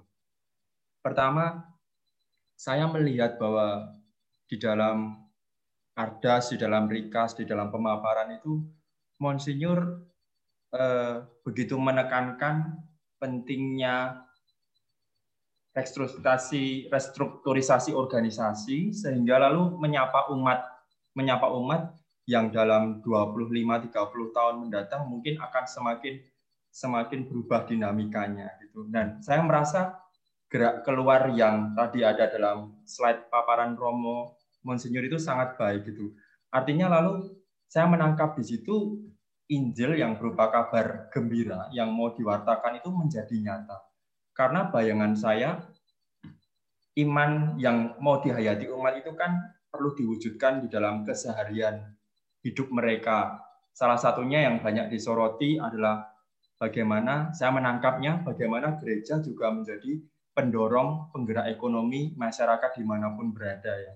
Hmm. Karena lalu kalau masyarakat sejahtera lahir batin itu nampaknya buah dari iman yang diwujudkan dan gereja dalam hal ini KAS ingin mengambil atau ingin menjadi penggerak, pendorong, pengambil inisiatif di dalam hal itu gitu.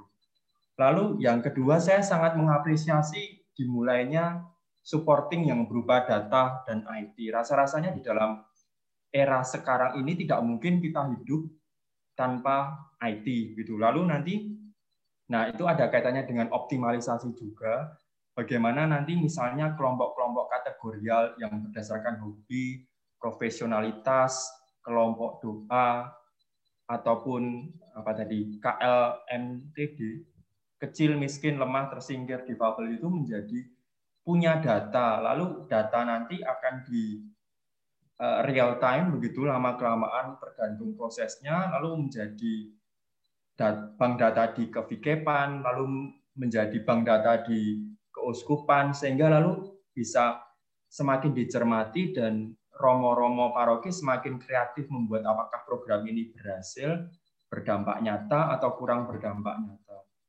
Lalu dengan aplikasi yang mungkin setiap orang punya sehingga bisa memantau dan urun rembuk. Saya pikir Serawung Serawung perjumpaan dengan media sosial dan tidak berjumpa dengan langsung bisa jadi juga efektif Romo. Mm-hmm. Monsinyur saya merasa di situ.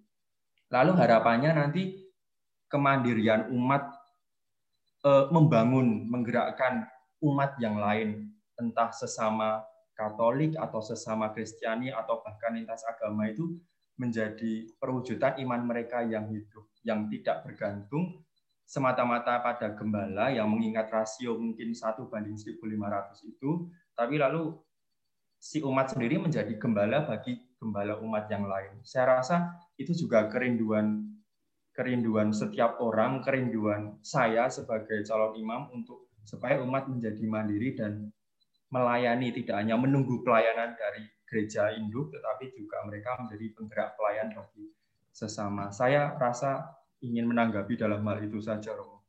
Terima kasih banyak. Iya, terima kasih Frater Doni eh, tanggapannya yang semakin memperkaya pembicaraan kita. Memang ke depan ini jelas tuntutan untuk pemanfaatan media sosial itu tidak bisa tidak harus kita kembangkan. Juga ketika nanti pandemi sudah berakhir sekalipun tidak sehebat sekarang ini eh, apa apa nih Eh, masalahnya tentu pengalaman kita memanfaatkan media sosial yang sangat efektif itu menjadi salah satu kekuatan gereja untuk pewartaan, untuk pendampingan. Meskipun harus kita akui di masa sekarang ini tidak semua romo, tidak semua eh, umat kita itu mempunyai keterampilan yang sama dalam hal ini. Namun toh eh, kemendesakan untuk menggunakan dan mengembangkannya itu rasa-rasanya semakin uh, kita akui ya gitu yeah. ya terima kasih Monsinyur yeah. Romo Andri saya kembalikan ke Frater Tiru baik terima kasih Monsinyur um, dan Romo Andre atas kebersamaannya uh, kami juga apa mau minta maaf Monsinyur karena memang pada saat ini kami uh, tidak didampingi oleh Romo karena Romonya berhalangan hadir. Hmm. Jadi uh, apa udah gede-gede kok. Iya. ya begitu sih. Ya memang beginilah keadaan sekarang. Jadi Zoom apa bertemu pun ya lewat layar kaca. Hmm. Um, tetapi sebelum kami menutup, uh, kami ada kebiasaan um, budaya Indonesia untuk mendokumentasi Monsinyur. Oh iya. Uh, jadi mendokumentasinya dengan screenshot. Iya. Uh, itu yang di ruangan gimana nih, Frater Suroso, Siwi, dan Andre nih? Nanti mereka akan mendekat, ya. Oh ya. Jadi ini yang di ini tuh mereka boy band, sih. boy band. Frater Siwi kurang turun. Nah. Nah, baik. Jadi um, nanti saya akan memberi aba-aba kita menahan senyuman di depan lubang hitam kecil yang ada di depan laptop.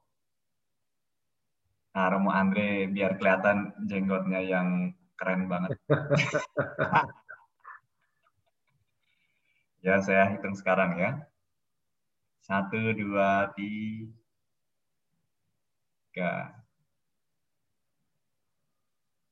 Oke. Jempol, jempol. Oh iya, sekali lagi. Satu, dua, tiga.